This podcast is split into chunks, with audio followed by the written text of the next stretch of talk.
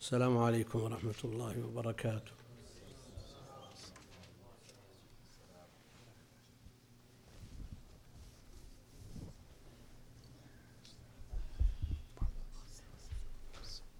سم.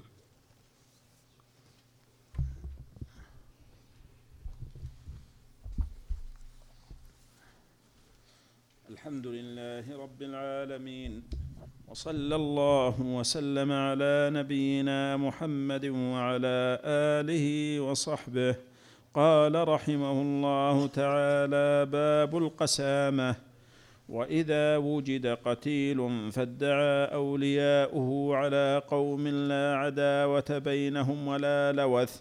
لم يكن لوث. لوث لوث كذا إيه، شيء بس كان الواو. ما تنطق بالفتح شيء لا لا. عجيب.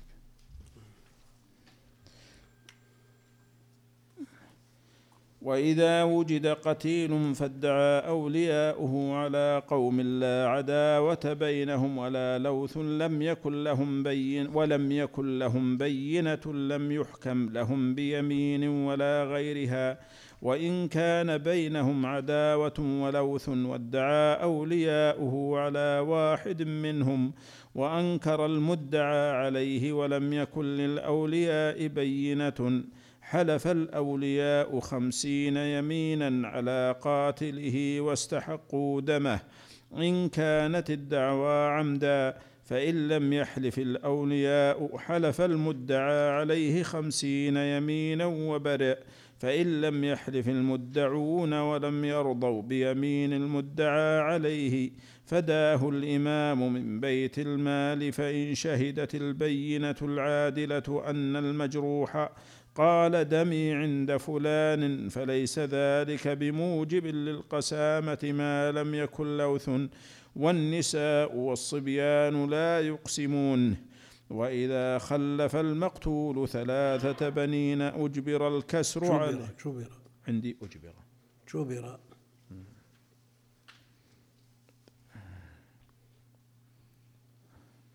جبر الكسر عليهم وحلف كل واحد منهم سبعة عشر يمينا وسواء كان المقتول مسلما أو كافرا حرا أو عبدا. إذا كان المقتول ممن يقتل به المدعى عليه إذا ثبت عليه القتل لأن القسامة توجب القود إلا أن يحب الأولياء أخذ الدياه وليس للأولياء أن يقسموا على أكثر من واحد ومن قتل نفسا محرمة أو شارك فيها أو ضرب بطن امرأة أو ضرب بطن امرأة حرة كانت أو أمة فالقت جنينا ميتا وكان القتل خطا فعلى القتل. نعم.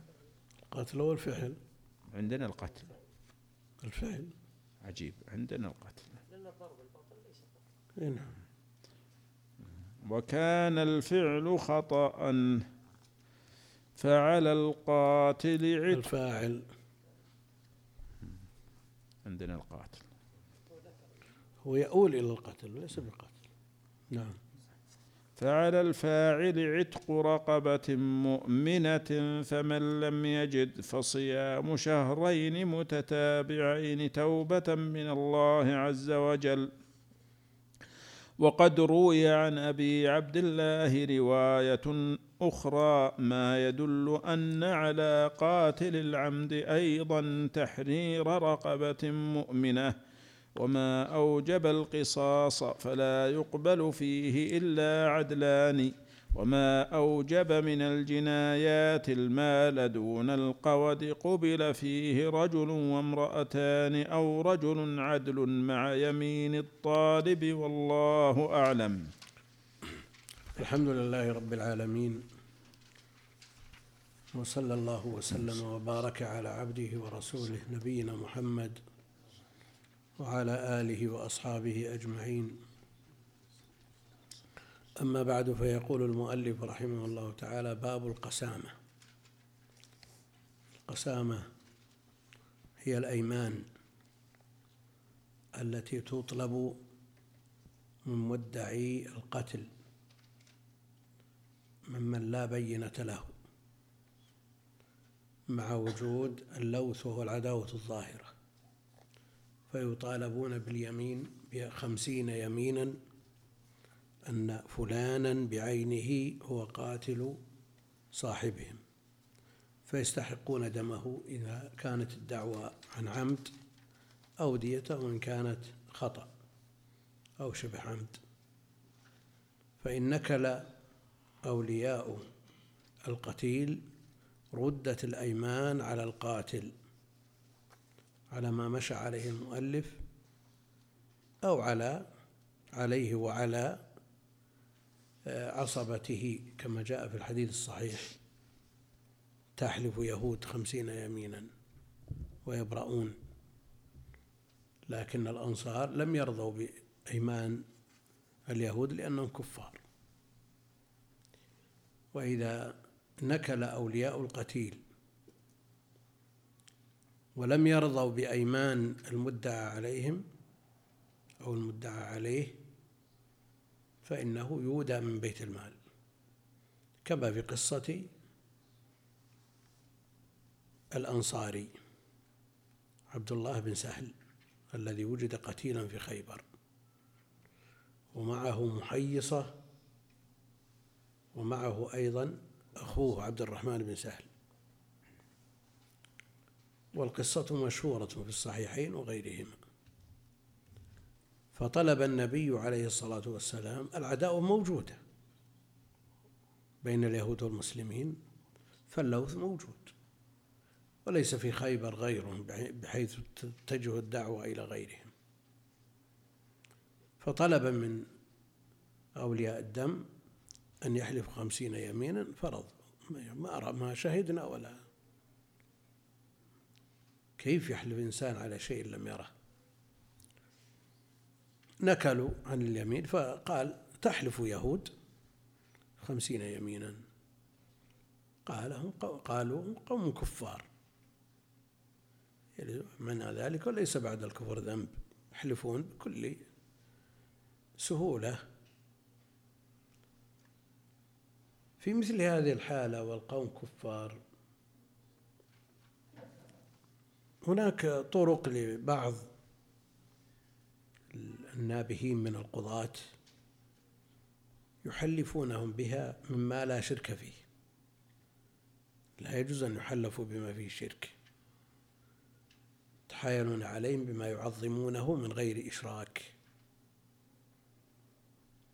ولهم في ذلك وقائع وأمور تدل على نباهة ف بعض المبتدعة يحلف بالبراءة من الشخص الذي يعظمه لا يحلف به وإنما يحلف بالبراءة منه. وعند الشيعة الاثنى عشرية يحلفون بالبراءة من أمير المؤمنين والقول بالمسح على الخفين. مهما كان الأمر لن يحلفوا بهذا إذا كانوا كاذبين. لأن هذه الأمور أعظم عندهم من أن يحلفوا بالله جل وعلا. نسأل الله العافية. واحد من الهندوس كان له محل ومعروف يعني بالأمانة ومشتهر بين الناس في ذلك. وضعت عنده وديعة. فلما جاء صاحبها يطلبها أنكر قال ما عندي لك شيء. فذهبوا إلى القاضي فقال البينة على المدعي عندك بينة؟ قال لا والله ما عندي بينة قال اليمين على من أنكر؟ قال هذا بيحلف. لو تبي ألف يمين ما عنده مشكلة. قال مالك إلا هذا. لكن هاتوا سكين. جاءوا بسكين وقال للمدعى عليه قبض عليها بيمينك. قبض عليها وهزها مرارا وقال قل اللهم رب البررة مهلك الفجرة. إن كان له عندي وديعة لأخذن السكين وأذبح البقرة. قال مال يدفع؟ بقرة ما يذبح. هذه حيل وجدت من بعض القضاة وليس في ما في حل إلا هذا. مسألة اليمين بالله جل وعلا ما ما يمكن تمشي على مع مثل هؤلاء لأنهم كفار. يحلف ما شئت. ولذلك قالوا كيف بهم وهم كفار أو كيف بأيمانهم وهم قوم كفار. لما نكل المدعون ولم يقبلوا أيمان المدعى عليهم وداه النبي عليه الصلاة والسلام بيت المال. فالقسامة هي الأيمان. ومنهم من قال إن القسامة هم القوم الذين تتجه عليهم الأيمان. لكن القسامة والقسم معروف أصلهما واحد فهي الأيمان. قال وإذا وجد قتيل فادعى أولياؤه على قوم لا عداوة بينهم ولا لوث ولم يكن لهم بينة. ضبط الألفاظ قد يضبط في السابق في الصغر يتلقاه الطالب من معلمه على طريقة على ضبط معين ويستمر معه. حتى أحيانا لو صححه فيما بعد وراجع عليه يستمر الضبط الأول. سمعناها في المرحلة يوم كنا ندرس في الزاد في المعهد العلمي مثل ما سمعها الشيخ لوث. وأيضا دور وهو دور في ميراث الغرقى والهدمة. سمعنا مدرس الفرائض يقول فيرث من تلاد ماله لا ما ورثه منه دفعا للدور والصواب الدور. الدور. هنا اللوث. لكن وش السبب؟ لجعل الإنسان. خلاص اللسان أخذ عليها من الصغر فهو يكررها على هذا الأساس. والأصل قد يكون فيها من منهم من ينطقها بالتحريك باعتبار أن بعض الكلمات شعر وشعر نعم وبحر وبحر ونهر ونهر قد يوجد منطقها على هذا لكن هذا هو الأصل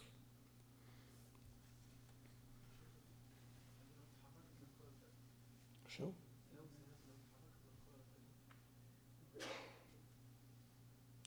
لا يلوث لوثا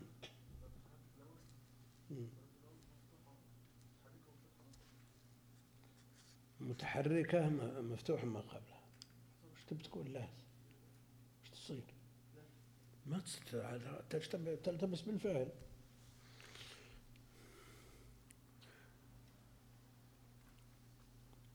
قال وإذا وجد قتيل فادعى أولياؤه على قوم لا عداوة بينهم ولا لوث ولم ولم يكن لهم بينة.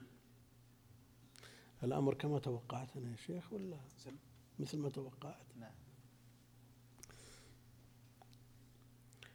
ولم يكن لهم بينة لم ترى قد تمر بعد ذلك في الجامعة في الكلية وشيء على الصواب. لكن الذهن ما يثبت فيه إلا ما كان في الصغر. ولم يكن لهم بينة لم يحكم لهم بيمين ولا غيرها. لكن ما كان بينة هذه مجرد دعوة. لا قيمة لها.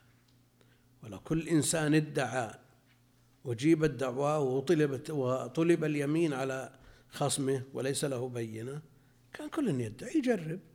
يقول لعلي أوافق وأصادف شخص ورع يدفع عن عن يمينه بما شئت من أموال الدنيا. بعض الناس عندهم من الوراء لو تقول له احلف حتى اللي تبي حلف لا تجعلوا الله عرضة لأيمانكم. والقاضي شريح المعروف المشهور قال له واحد من أولاده إن لي دعوة على بني فلان. فاسمعها مني إن كان الحق لي جئت بهم إليك وإن كان الحق لهم تركنا الدعوة. فعرض عليه الدعوة فقال الحق لك. فأتى بهم إلى المحكمة فعرض دعواه وعرض على المدعى عليهم. النهاية قال شريح لا شيء لك عليهم. ما لك شيء؟ الحق لهم. وحكم ببراءتهم. فلما انفض المجلس قال يا بس أنا قلت لك. ليش نتعب نروح نجيبهم ونتعبهم؟ ما أدري إيش قال لو قلت إن الحق لهم لذهبت تصالحهم بما تيسر. بعض الناس يدفع أموال ولا يجي للقاضي. تقول تروح لأمه وتقول نبي نصلح أنا وياكم. ظاهر ولا مو ظاهر راح يصالحهم على أقل القليل. فلما انتهت حسمت من من القاضي لا ما ما له وجه يطالب بأي شيء.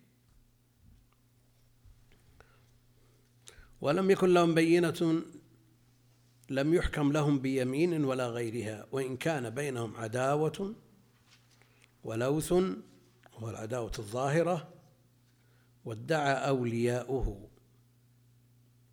عداوة ولوث. عداوة إيش؟ العطف هذا هنا. عطف بيان أو عطف بعض من كل. عداوة أي عداوة ظاهرة ولا خفية؟ نعم ثم اللوث العداوة الظاهرة. وادعى أولياؤه على واحد منهم.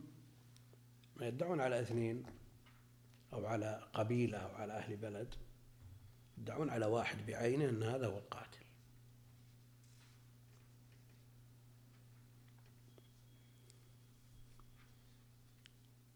وقال الشافعي وغيره لا مانع من أن تكون الدعوة على أكثر متجهة على أكثر من واحد. لاحتمال أن يكون القتل من أكثر من واحد. وأنكر المدعى عليه. ولم يكن للأولياء بينة. حلف الأولياء خمسين يمينا على قاتله كما طلب النبي عليه الصلاة والسلام من أولياء المقتول عبد الله بن سهل. حلف الأولياء خمسين يمينا على قاتله واستحقوا دمه. إذا كانت الدعوة على قتل عمد. وتحلفون خمسين يمينا وتستحقون دم صاحبكم. في رواية دفعه برمته يعني ليقاد منه. واستحقوا دمه إن كانت الدعوة عمدا فإن لم يحلف الأولياء حلف المدعى عليه خمسين يمينا.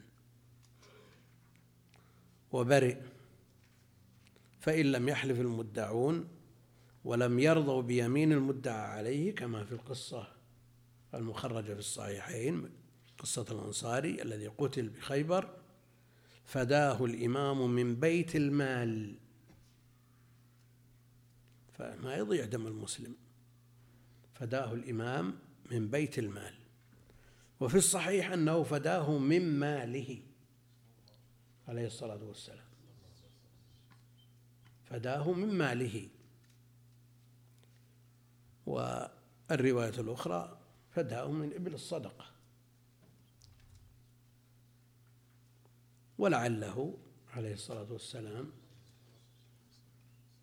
اشترى هذه الإبل من إبل الصدقة وفداه بها لتخرج عليها رواية فداه من ماله وهي في الأصل من إبل الصدقة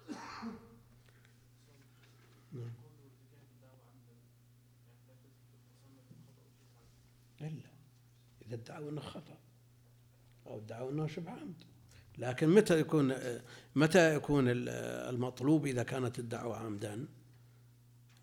إذا اللي في الدعوة عمدا يكون فيه القود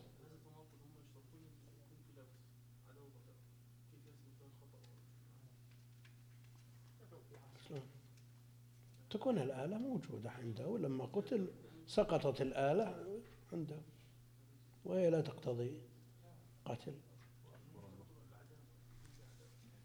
في عداوة بيؤذيه بأي أذى ما لازم أن يقصد قتله.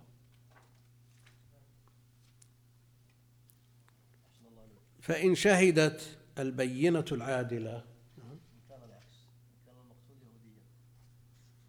بيجيك بيجيك يجي كان مقتول غير مسلم. فإن شهدت البينة العادلة أن المجروح قال دمي عند فلان فليس ذلك بموجب للقسامة. ما لم يكن له لا بد من العداوة الظاهرة. اليهودي الذي قتل الجارية على أوضاح وجدت بها رمق وقيل لها من قتلك؟ فلان فلان فلان. لما جاء القاتل أشارت برأسها النعم. يكفي هذا في قتله لا يكفي. لأن هذه دعوة منها. لكن جيء به فقرر فاعترف فقتل بها اقتص منه. والنساء والصبيان لا يقسمون. النساء والصبيان لا يقسمون. لماذا؟ النساء والصبيان لا يقسمون. لأن لا ترضى شهادتهم في هذا. شهادتهم غير مرضية في هذا الباب فمن باب أولى أيمانهم التي هي قائمة مقام الشهادة. وإذا خلف المقتول ثلاثة بنين رحمك الله. وإذا خلف المقتول ثلاثة بنين جبر الكسر عليهم. إذا قسمنا الخمسين على ثلاثة يطلع سبعة عشر إلا ثلث. نعم. يجبر الكسر فيحلف كل واحد منهم سبعة عشر يمينا. سبعة عشر يمين تطلع واحد وخمسين. يجبر الكسر.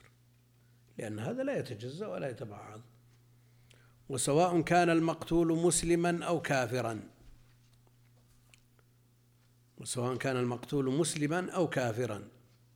أو حرا أو عبدا. إذا كان المقتول يقتل به المدعى عليه.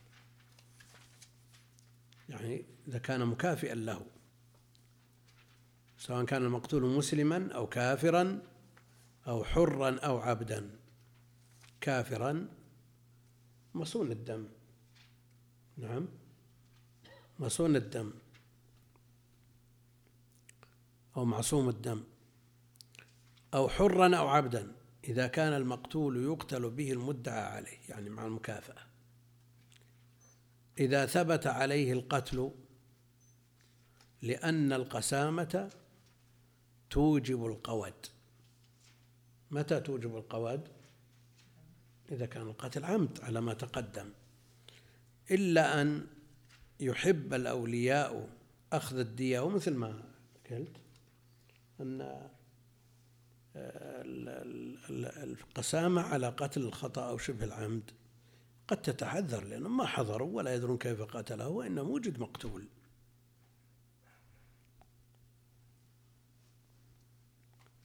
لأن القسامة توجب القود إلا أن يحب الأولياء أخذ الدية يعني يدلون من القصاص إلى الدية.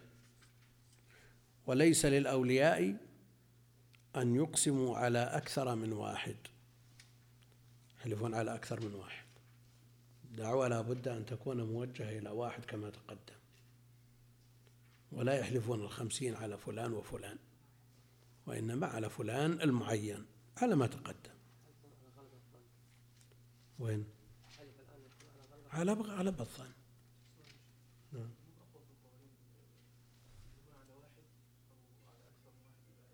قول الشافعي يحتمل الاحتمال أن يكون القاتل أكثر من واحد وهذا متصور وهذا متصور. ها؟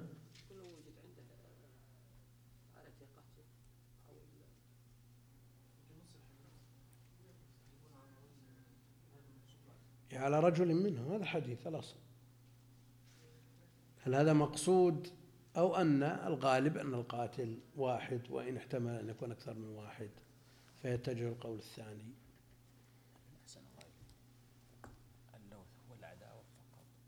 العداوة الظاهرة. هذا المعتمد في المذهب. لكن القرائن القوية القرائن القوية أصل اللوث عدا قرينة.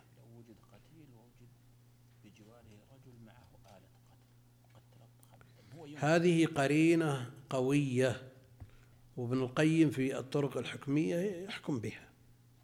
يعني لو وجد شخص على رأسه عمامة بيده عمامة والآخر حاسر الرأس ويطالبه بالعمامة ويقول أخذ عمامتي؟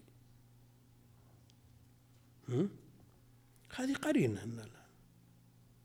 والقرائن تقرب وتبعد من البينات تقرب وتبعد من البينات فلو وجد في يد شخص نعل واحد والثاني وعليه نعلين والثاني معه نعل أخت النعل التي بيد الثاني.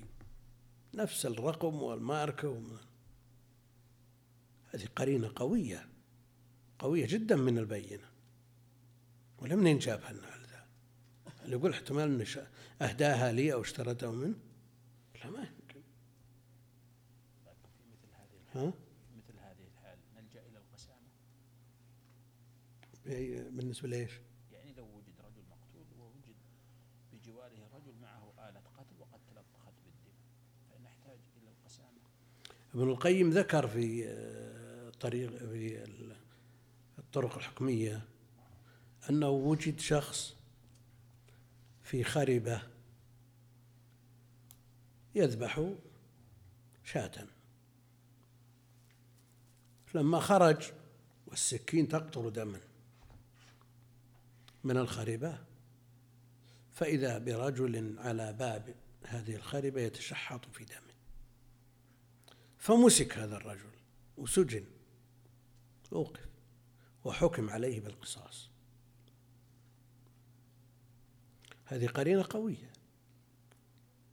لكن أنا ما أدري لماذا ما مس- مسك هؤلاء الذين مسكوه وادعوا عليه إيه، نجرهم إلى داخل ال- الخاربة ويريهم ولا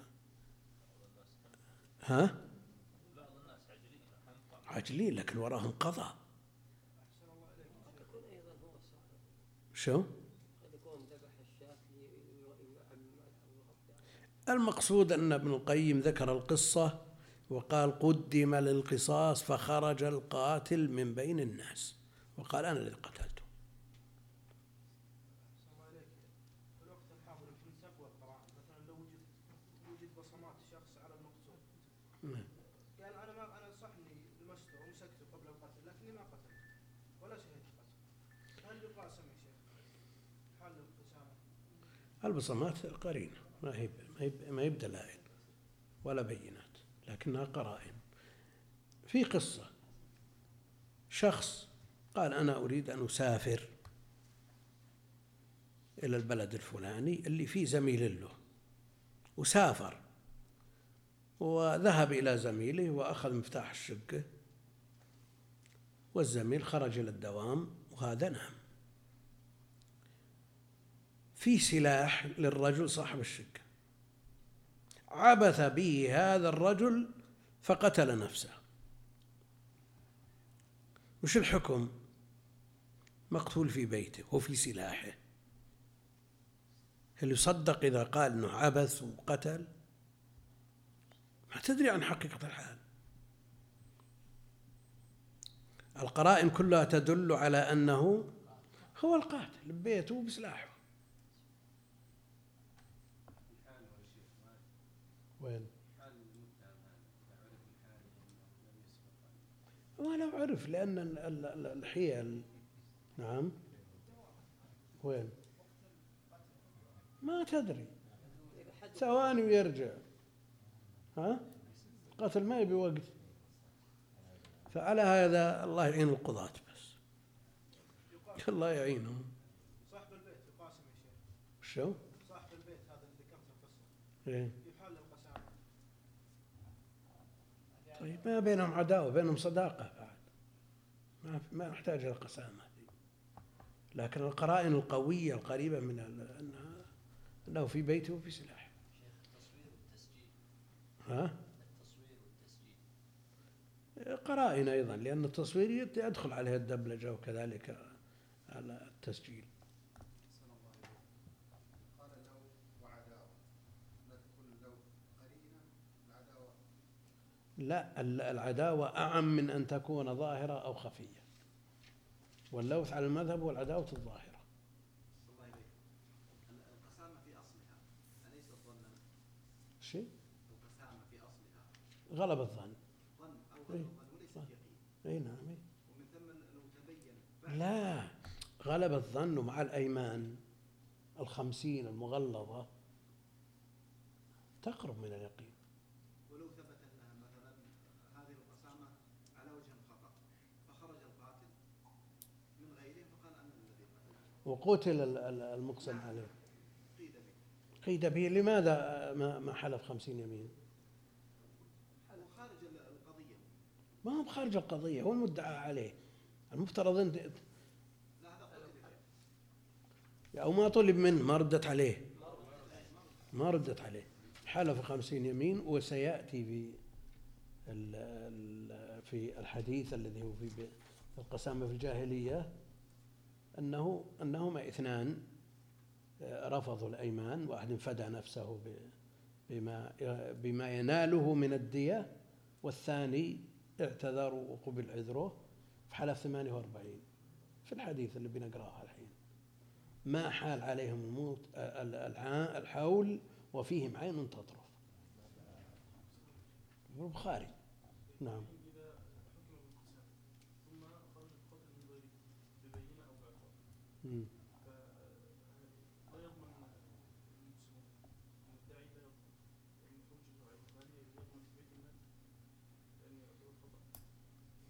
لا إذا تبين كذبهم يضمن؟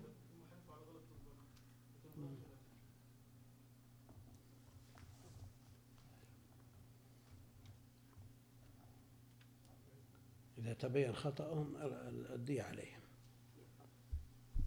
الدية عليهم إذا تبين كذبهم لا عليهم. لكن تبين خطأه كقتل الخطأ. المقصود أنه تبين بين ال ال ال ال ال الواقع كشف أنهم مخطئون كقاتل الخطأ. عليهم الدية ها؟ مهددون قدرا بأن الله عز وجل ينتقم منهم يعني اي بلا شك. نبي نقرأ الحديث ونخلينا ندرك.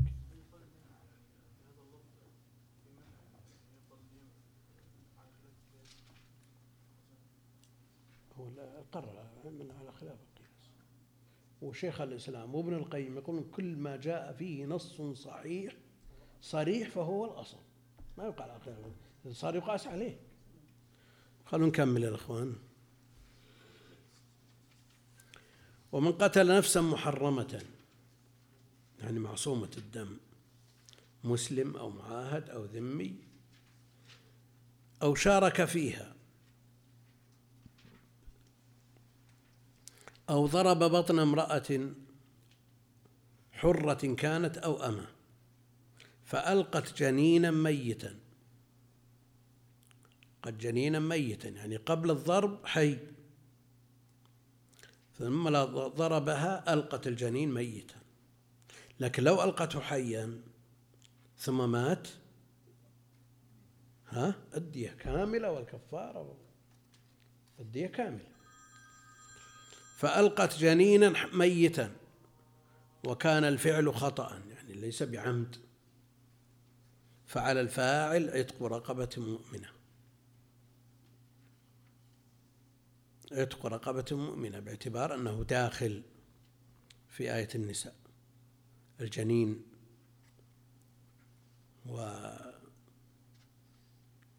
والمسألة فيها خلاف. إيه بعد نفخ الروح. الكلام بعد لما سمى سمى ميت إلى ما نفخت. فيه الروح ما يسمى ميت. فعلى الفاعل عتق رقبة مؤمنة. ولا بد أن تكون مؤمنة على قول جمهور أهل العلم خلافا لأبي حنيفة. فمن لم يجد فصيام شهرين متتابعين توبة من الله. وهذا على خلاف ما جرى عليه مؤلف المتون من المتأخرين. مؤلف المتون بيقولون توبة من الله. هم يحسبون إلا الحرف ما هو بالكلمة يعني توبة من الله على ما جاء في القرآن. والتذكير بما يقرب إلى الله. وبما يحضر ال- التعامل مع الله. هذا أسلوب القرآن. ذلك في كتب المناسك يذكرون الأحكام من السنن والآداب والواجبات والشروط والأركان والمحظورات كل ما يتعلق بالحج والعمرة. لكن منهم من يذكر بالتقوى. سورة النساء مفتتحة بالتقوى. أسلوب القرآن التذكير. والله جل وعلا يقول فذكر بالقرآن. فعلى هذا ينبغي للمؤلفين أن يعتمدوا هذا الأسلوب. ليجمعوا بين الأحكام وبين ما يقود إلى العمل بهذه الأحكام. ما شخص يقرأ أن عليك دم ولا ما عليك ولا كذا يغفل. قد لا يمتثل. لكن إذا ذكرته بالتقوى عمل بهذه الأحكام. وهذا أسلوب القرآن. فصيام شهرين متتابعين توبة من الله. وقد روي عن أبي عبد الله رحمه الله ما يدل على أن قاتل العمد أيضا تحرير رقبة. لأنه إذا وجبت الكفارة في قاتل الخطأ فلا أن تجب في قاتل العمد لأنه أغلظ وأشد من باب أولى. والرواية الأولى أن قتل العمد أعظم من أن يكفر كاليمين الغموس. أعظم من أن يكفر.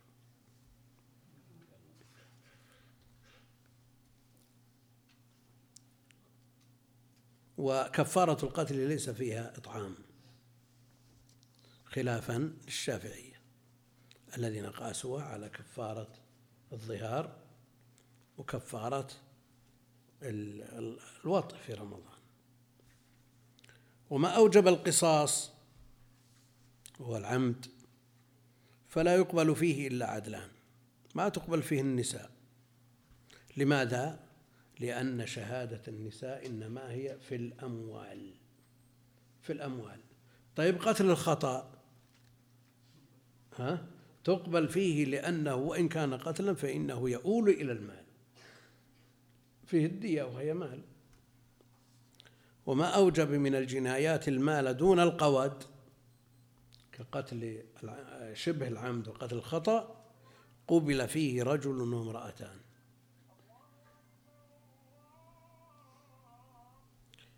قبل فيه رجل وامرأتان لأنها في حكم المعاملات المالية؟ في النفس والأطراف لا تقبل النساء. أو رجل عدل مع يمين الطالب. نعم. لا تؤول إلى مال المقصود أن المرأة لا تقبل إلا في المال أو ما يؤول إلى المال والمسألة الأخيرة وهي يقبل الرجل العدل مع يمين الطالب مع يمين المدعي لأنه قضى بالشاهد مع اليمين. قضى بالشاهد مع اليمين.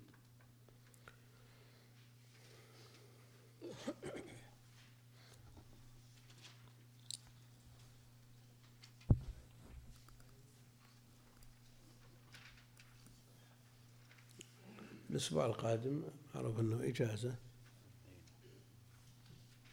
ويستأنف الدرس في الأسبوع الأول. ما هو بداية فصل دراسي يقال في الأسبوع الثاني. هذا في أثناء الفصل. ولذلك في أول أسبوع من الدراسة. نشوف القسامة في الجاهلية أنها ليست يعني من مما جاء به الإسلام وإنما موجودة قبل الإسلام.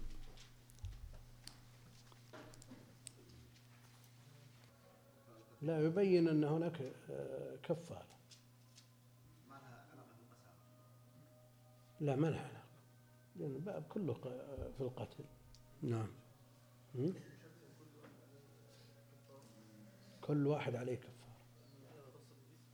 وين؟ كل واحد عليه كفارة في المشاركة. وقال آه، عثمان البتي تقسم عليه لكن عامة أهل العلم على كل واحد عليه كفارة. نعم. القسام إذا كان على الخطأ أو الدقة هل مم. يلزم أن يكفر؟ أو إيه. نقول هو أمر راجع لنفسه يعرف صدق نفسه في هذه المسألة فلا يكفر اللي يعرف براءة نفسه لا يلزم حكم إلا أن يلزم. نعم. سم. الحمد لله رب العالمين وصلى الله وسلم على نبينا محمد وعلى آله وصحبه. قال رحمه الله تعالى باب القسامة في الجاهلية. يعني البخاري. القائل البخاري. نعم. حدثنا أبو معمر قال حدثنا عبد الوارث قال حدثنا قطن أبو الهيثم قال حدثنا أبو يزيد المدني عن عكرمة عن ابن عباس رضي الله عنهما قال إن أول قسامة كانت في الجاهلية لفينا بني هاشم. كان رجل من بني هاشم.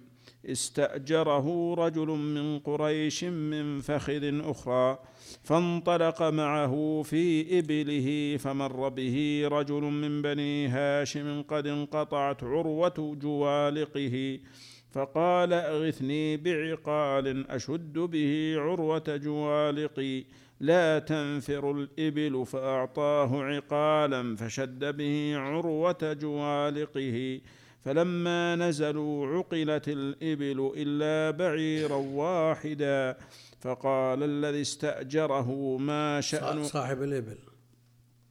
نعم. فقال الذي استأجره ما شأن هذا البعير لم يعقل من بين الإبل؟ قال ليس له عقال. قال فأين عقاله؟ قال فحذف فحذفه بعصا كان فيها أجله. فمر به رجل من أهل اليمن فقال أتشهد الموسم؟ قال ما أشهد. وربما شهدته. قال هل أنت مبلغ عني رسالة مرة من الدهر? قال نعم. قال فكتب. إذا أنت شهدت الموسم فنادي يا آل قريش.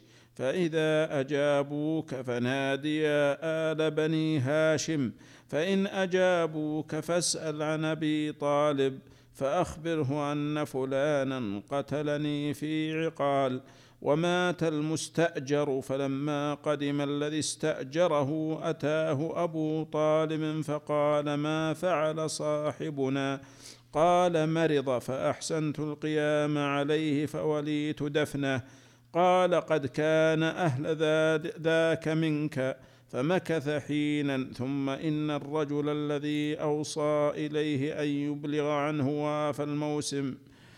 فقال يا آل قريش قالوا هذه قريش. قال يا بني هاشم قالوا هذه بنو هاشم. قال قال أين أبو طالب؟ قالوا هذا أبو طالب. قال أمرني فلان أن أبلغك رسالة أن فلانا قتله في عقال فأتاه أبو طالب فقال له اختر منا إحدى ثلاث إن شئت أن تؤدي مائه من الإبل فإنك قتلت صاحبنا وإن شئت حلف خمسون من قومك إنك لم تقتله وإن أبيت قتلناك به. فأتى قومه فقالوا نحلف.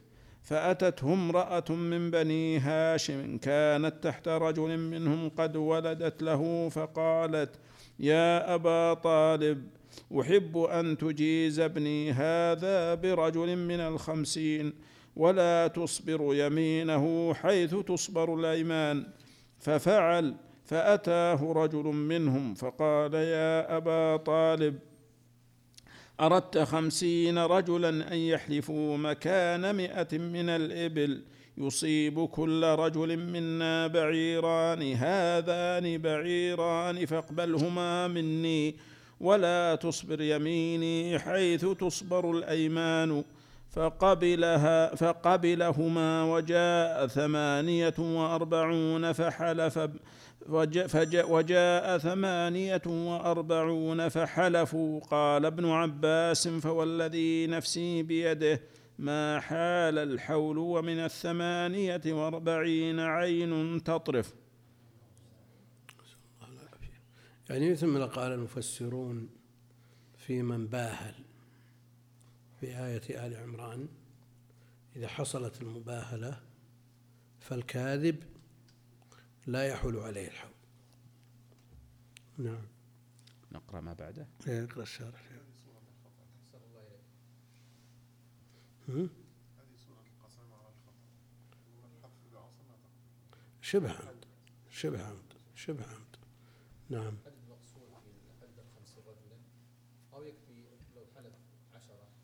الخمسين لا إذا وجد الخمسون يحلف الخمسون إذا لم يوجد تقسم عليه. كما لو ثلاثة كل واحد يحلف سبعة عشر يمين نعم شو؟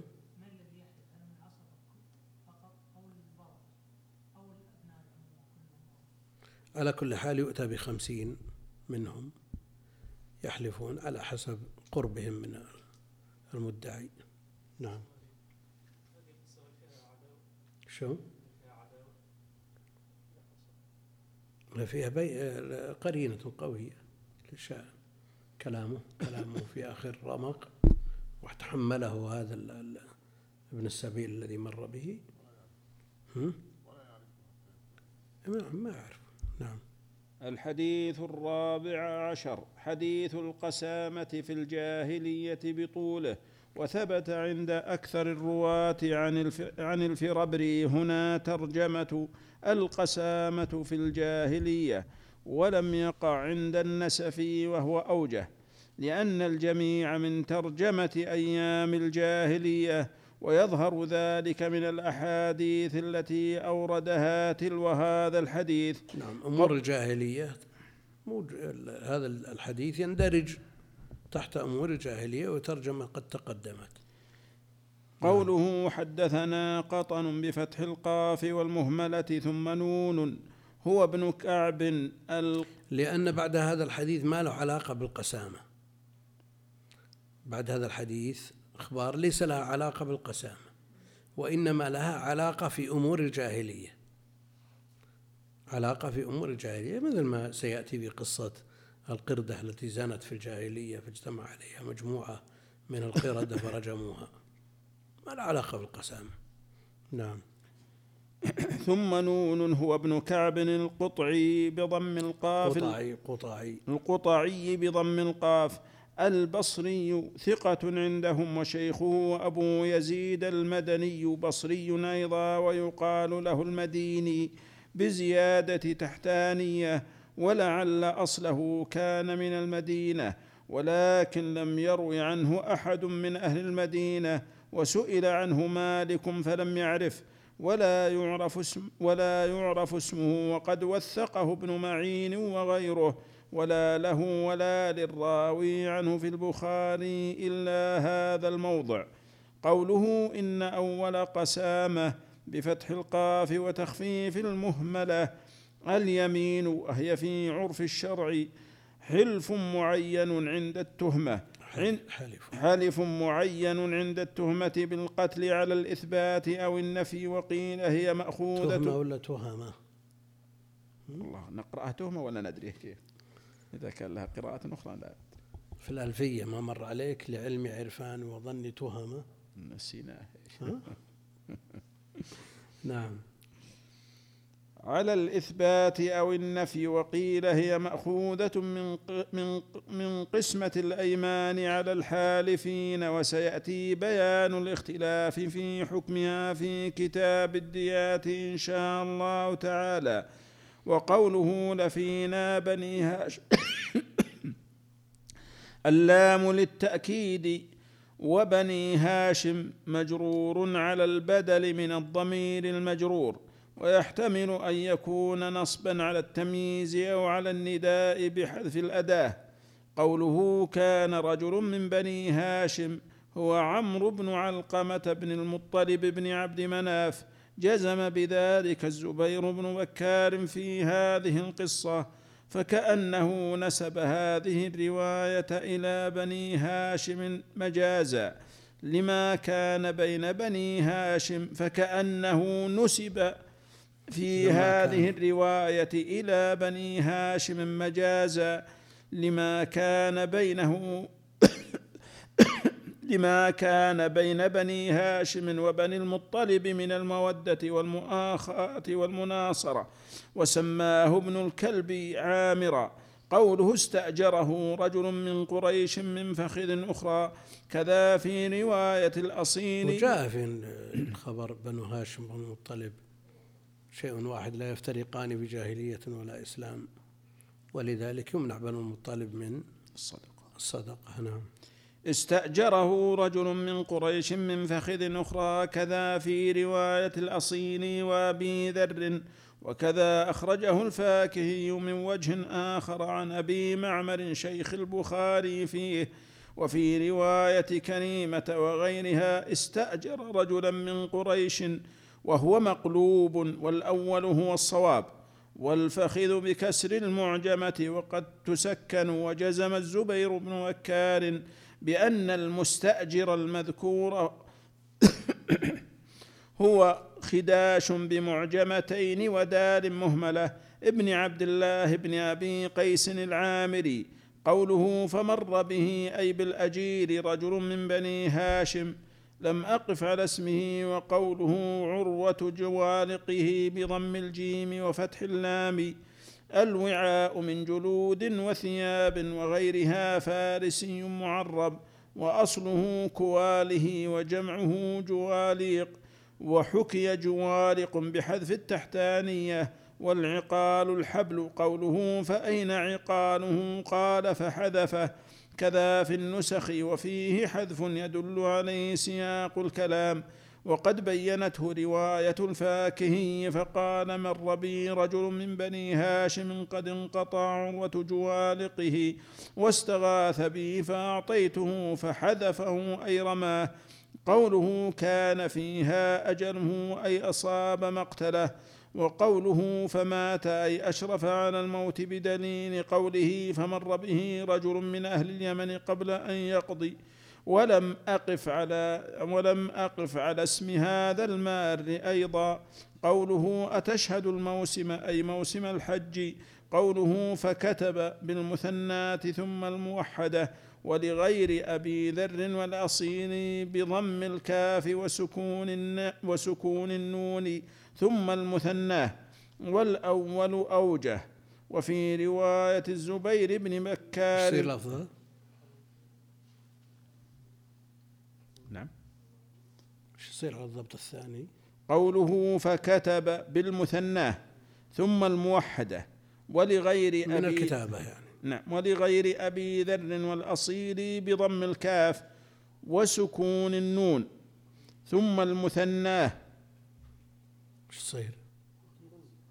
ها؟ كنت؟ كذا. والأول أوجه. وفي رواية الزبير بن مكار فكتب إلى أبي طالب يخبره بذلك ومات منها. وفي ذلك يقول أبو طالب أفي فضل حبل الله أبا لك ضرب أفي, أفي فضل حبل الله أبا لك ضربة بمنسأة قد جاء حبل وأحبل. قوله يا آل قريش بإثبات الهمزة وبحذفها على الاستغاثة. قوله قتلني في عقال أي بسبب عقال.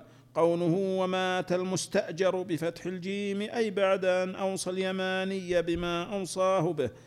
قوله فوليت بكسر اللام وفي رواية ابن الكلبي فقال أصابهم قدره فصدقوه ولم يظنوا به غير ذلك. وقوله وافى الموسم أي أتاه قوله يا بني هاشم في رواية الكشميهني يا آل بني هاشم. قوله من أبو طالب في رواية الكشميهني أين أبو طالب؟ زاد ابن الكلبي فأخبره بالقصة وخداش يطوف بالبيت لا يعلم بما كان فقام رجل من بني هاشم إلى خداش فقام رجال من بني هاشم إلى خداش فضربوه وقالوا قتلت صاحبنا فجحد قوله اختر منا إحدى ثلاث يحتمل أن تكون هذه الثلاث كانت معروفة بينهم. ويحتمل أن تكون شيئا اخترعه أبو طالب. وقال ابن التين لم ينقل أنهم تشاوروا في ذلك ولا تدافعوا فدل على أنهم كانوا يعرفون القسامة قبل ذلك. كذا قال وفيه نظر لقول ابن عباس راوي الحديث إنها أول قسامة. ويمكن أن يكون مراد ابن عباس الوقوع وإن كانوا يعرفون الحكم قبل ذلك. وحكى الزبير بن بكار أنهم تحاكموا في ذلك إلى الوليد بن المغيرة فقضى أن يحلف خمسون رجلا من بني عامر عند البيت ما قتله خداش. وهذا يشعر بالأولوية مطلقا. قوله فأتته امرأة من بني هاشم هي زينب بنت علقمة أخت المقتول كانت تحت رجل منهم هو عبد العزى بن أبي قيس العامري واسم ولدها منه حويطب بمهملتين مصغرا. ذكر ذلك الزبير وقد عاش حويطب بعد هذا دهرا طويلا وله صحبة. وسيأتي حديثه في كتاب الأحكام. ونسبتها إلى بني هاشم مجازية. والتقدير كانت زوجا لرجل من بني هاشم ويحتمل قولها فولد فولدت له ولدا أي غير حويطب. قوله أن تجيز ابني بالجيم والزاي أي تهبه ما يلزمه من اليمين. وقولها ولا تصبر يمينه بالمهملة ثم الموحدة. أصل الصبر الحبس والمنع ومعناه في الأيمان الإلزام. تقول صبرته أي ألزمته أن يحلف بأعظم الأيمان حتى لا يسعه الا يحلف. قوله حيث تصبر الأيمان أي بين الركن والمقام. قاله ابن التين. قوله ومن هنا استدل الشافعي على أنه لا يحلف بين الركن والمقام على أقل من عشرين دينارا نصاب الزكاة. كذا قال. ولا أدري كيف يستقيم هذا الاستدلال. ولم يذكر ولم يذكر أحد من أصحاب لا, لا يصبر اليمين على شيء يسير فيبتذل. وإنما يصبر اليمين على شيء له شأن. نعم. ولم يذكر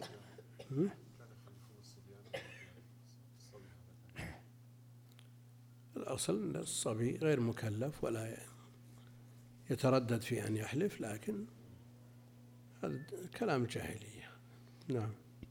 ولم يذكر أحد من أصحاب الشافعي أن الشافعي يستدل لذلك بهذه القصة.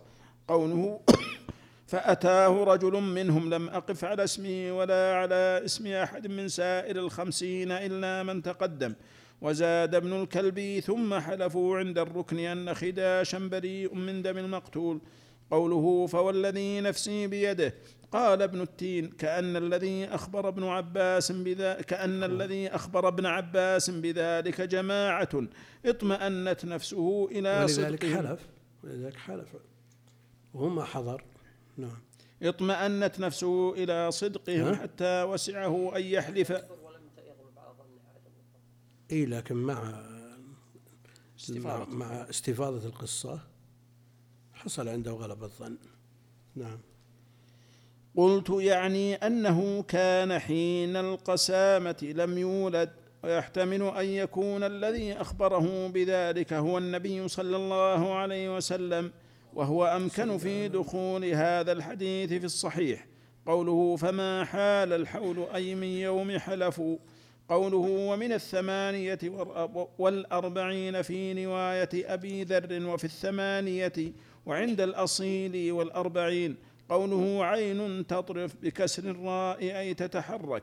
زاد ابن الكلب وصارت رباع الجميع لحويطب فبذلك كان أكثر من بمكة رباعا. وروى الفاكهي من طريق ابن أبي نجيح عن أبيه قال حلف ناس عند البيت قسامة على باطل ثم خرجوا فنزلوا تحت صخرة فانهدمت عليهم ومن طريق طاووس قال كان أهل الجاهلية لا يصيبون في الحرم شيئا إلا عجلت لهم عقوبته. ومن طريق حويطب أن أمة في الجاهلية عادت بالبيت فجاءتها سيدتها فجبذتها فشلت يدها. وروينا في كتاب في كتاب مجاب الدعوة سوت الجارية. أن أمة في الجاهلية عادت بالبيت فجاءت سيدتها فجبذتها فشلت يدها.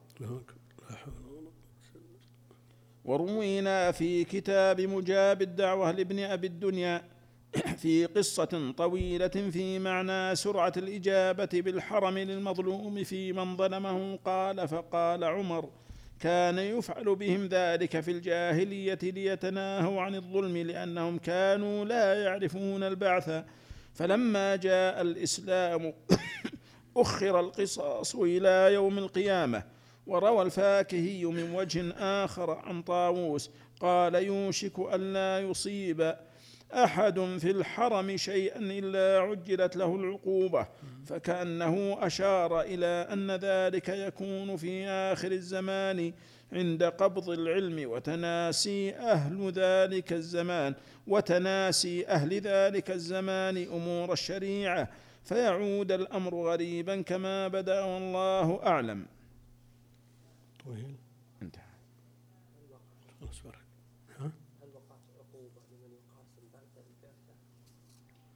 الله أعلم. ما أدري. ها؟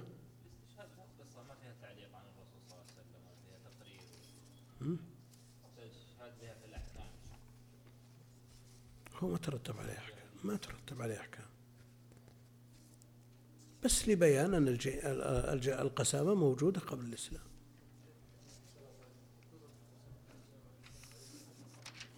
فيه ما يدل على أنه جاء نعم.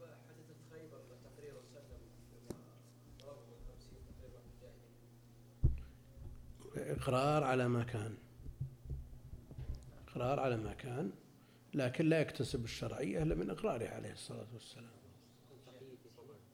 يكون تقييد لأن القصة ليس فيها عداوة بينما الإقرار يضاف لا لا ما تقيد.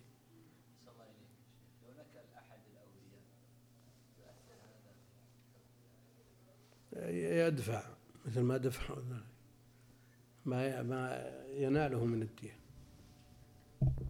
يدفع نصيبه. الموجود منهم. ما يمكن استيعابه.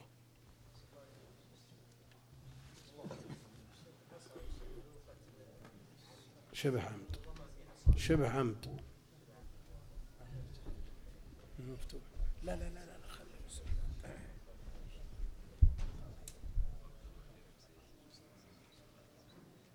صلى الله عليك في مصلى النساء عندنا يا شيخ في المسجد؟ يأتون الحيض لحضور محاضرة وهو من من مدخل المصلى في حمام أكرمك الله وفيه مغسلة يعني بلاط كذا ثم يدخلون المسجد. صلى النساء يعني تابع للمسجد؟ الأصل أنه تابع لكنه ما هو يعني بينه وبين المسجد صرحة.